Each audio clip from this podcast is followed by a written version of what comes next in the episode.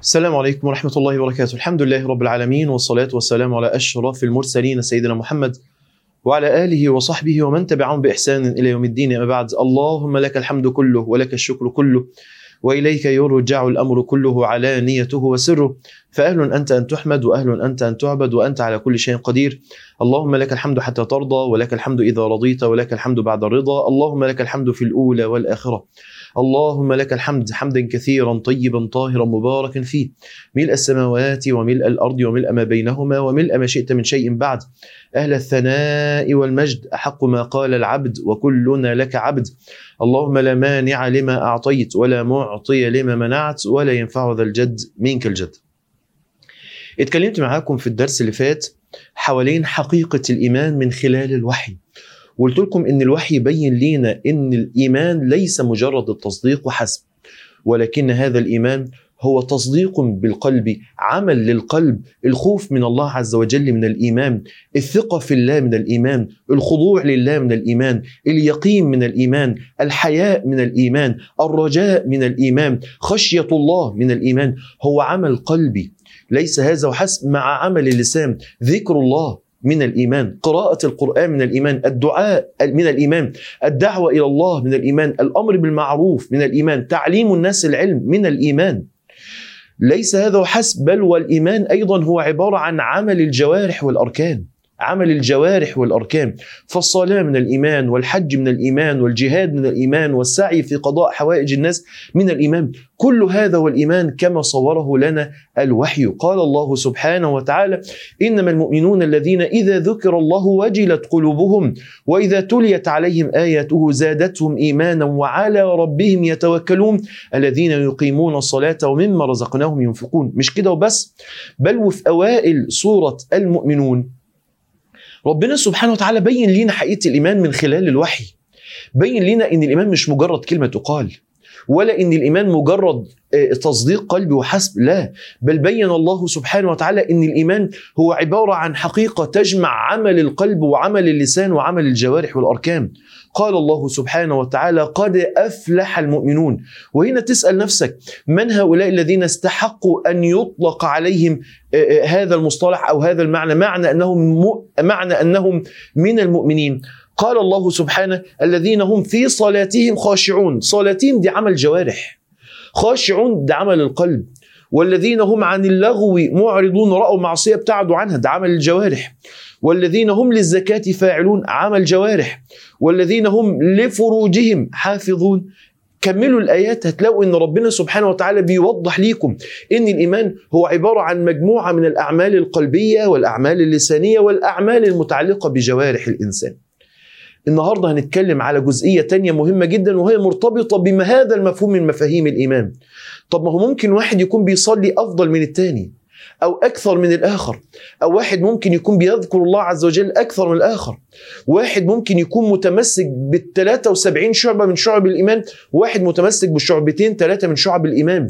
هل هذا معناه أن كل هؤلاء متفقون في حقيقة الإيمان والإجابة؟ لا. هؤلاء بينهم تفاضل. هؤلاء بينهم تفاضل. واللي بيرجع للوحي هيتبين له إن الإيمان ليس الناس فيه على درجة واحدة. بل الناس فيه درجات متفاوتون. قال الله سبحانه وتعالى وإذا تليت عليهم آياته زادتهم إيمانا. قال الله سبحانه وتعالى وإذا ما أنزلت سورة فمنهم من يقول أيكم زادته هذه إيمانا؟ فأما الذين آمنوا فزادتهم إيمانا. قال الله سبحانه وتعالى ليزداد الذين آمنوا إيمانا. قال الله سبحانه وتعالى إنهم فتية آمنوا بربهم وزدناهم هدى. قال ربنا تبارك وتعالى أيكم زادته هذه إيمانا؟ قال ربنا تبارك وتعالى قال ربنا تبارك وتعالى فأما الذين آمنوا فزادتهم إيمانا. قال ربنا تبارك وتعالى ليزداد الذين آمنوا إيمانا. كل هذه آيات توضح لنا من خلال القرآن إن الإيمان الناس فيه متفاضلون فبعضهم أعلى وأزيد في الإيمان من بعض. ومن خلال الوحي نفهم أيضا أن الناس ليسوا في الإيمان على درجة واحدة. فالنبي صلى الله عليه وسلم قال لنا من خلال الوحي رأيت الناس أي في نومه يعرضون وعليهم قمص منهم ما يبلغ الثدي ومنهم ما دون ذلك. ورأيت عمر يجر إزاره. قالوا يا رسول الله فما أولته قال الدين. في ناس ما شاء الله الدين عندهم عالي جدا. الناس في الحديث ده واحد لابس قميص لحد هنا واحد لابس قميص أزيد شوية واحد أزيد واحد أزيد واحد أزيد. فبين النبي صلى الله عليه وسلم من خلال هذا الحديث ان في الإيمان على درجات.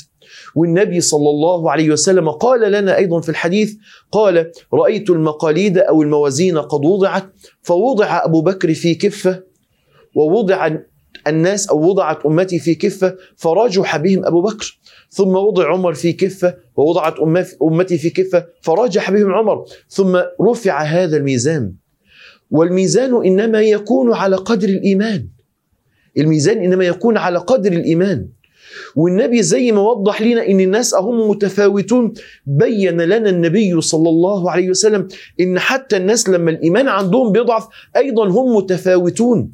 فقال النبي صلى الله عليه وسلم إن الإيمان لا يخلق في جوف أحدكم أي يبلى في جوف أحدكم كما يخلق الثوب. وقال النبي صلى الله عليه وسلم ما رأيت من ناقصات عقل ودين. ناقصات عقل ودين. فبين النبي هنا إن ممكن يحدث في بعض الأوقات نقصان في الإيمان. فبعض الأوقات بيكون الإنسان عالي الإيمان وبعضهم يكون قليل الإيمان. وهنا نسأل نفسنا سؤال إذا كان بالفعل الايمان بيزيد وينقص وهذا مما اتفق عليه أهل السنة أن الإيمان يزيد وينقص. يزيد بفعل الطاعة والبعد عن المعصية وينقص بفعل المعصية والبعد عن الطاعة. فهنا نسأل نفسنا السؤال القاعدة اللي العلماء قالوها وبينها لنا الوحي من خلال الآيات وبينها لنا الوحي من خلال أحاديث النبي صلى الله عليه وسلم إحنا لو عايزين نعلي إيماننا هنعمل إيه؟ من خلال الوحي. يرسم لنا طريق. من خلال الوحي بيترسم لنا طريق. اللي بيشعر بضعف إيماني يعمل إيه؟ واحد على قدر اقتراب الإنسان من القرآن قراءة وتدبرا وعلما وعملا وفهما على قدر ما يزداد الإيمان. يعني القاعدة اللي العلماء قالوها النهاردة هو وضعوا في في علم العقيدة كده قاعدة بتقول الإيمان يزيد وينقص. اتفق عليها أهل السنة. السؤال طيب القاعدة دي تفيدني في إيه؟ آه لا ده تفيدك في حاجات كتير جدا. إن أنت ترجع للوحي وتنظر يا ترى أنا إمتى الإيمان يزيد؟ عشان لو حسيت بضعف أحاول أزود إيماني. فالوحي بيقول لك إن من علامات زيادة الإيمان أو من أسباب زيادة الإيمان واحد اقترابك من القرآن. حفظك للقرآن تدبرك للقرآن قراءتك للقرآن دعوتك بالقرآن فهمك للقرآن تحكمك للقرآن يزود إيمانك. قال الله سبحانه وتعالى وإذا تليت عليهم آياته زادتهم إيمانا. يبقى إذا هنا واضح لينا جدا إن الوحي بيقول لنا من أراد زيادة الإيمان فعليه بالقرآن.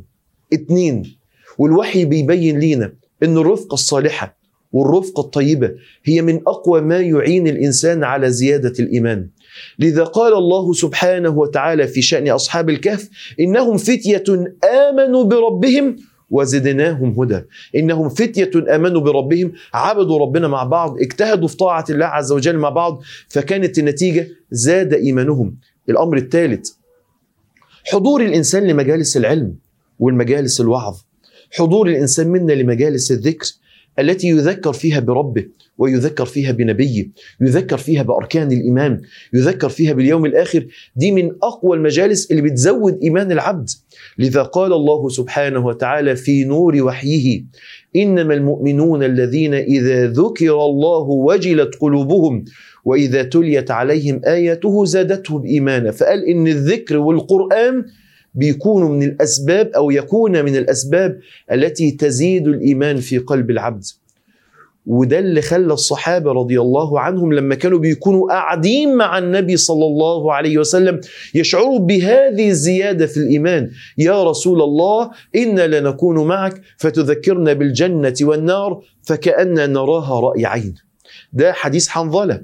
وحديث أبي هريرة رضي الله عنه بيقول يا رسول الله إنا لنكون معك فتذكرنا بالجنة والنار فنكون من أهل الآخرة ولا نكون من أهل الدنيا ترق قلوبنا وتدمع عيوننا.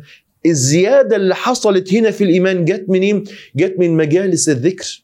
جت من مجالس الذكر. وعظنا رسول الله موعظة بليغة وجلت منها القلوب وذرفت منها العيون. يا الله ما الذي حدث؟ زاد الإيمان بأي شيء؟ بمجالس الذكر. لذا كان عمر رضي الله عنه يأتي بأبي موسى رضي الله عنه ويقول له ذكرنا ربنا يا أبا موسى لنزداد إيمانا. يبدأ يقرأ عليهم القرآن بما أتاه الله من حسن الصوت فيزداد إيمانا فيزداد إيمانا. الأمر الرابع العمل الصالح.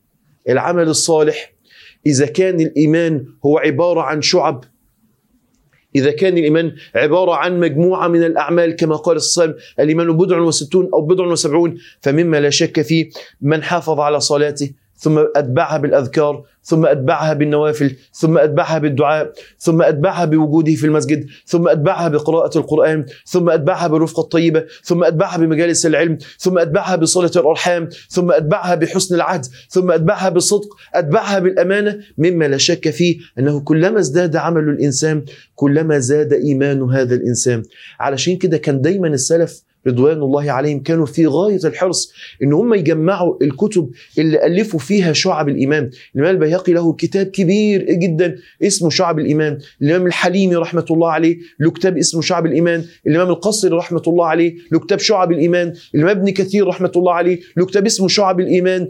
كل هؤلاء ليه ألفوا الكتب اللي اتكلمت عن شعب الإيمان عشان يبقى محطوط قدام عينيهم كده؟ بضع وستين أو بضع وسبعين شعبة من شعب الإيمان يبدأوا يعملوا بها فهنا يزداد الإيمان. طب والأمر الخامس؟ ومن ال... والأمر الخامس اللي بي فعلا بيزيد الإنسان وبيزود الإيمان داخل قلب الإنسان هو معرفة الله سبحانه وتعالى.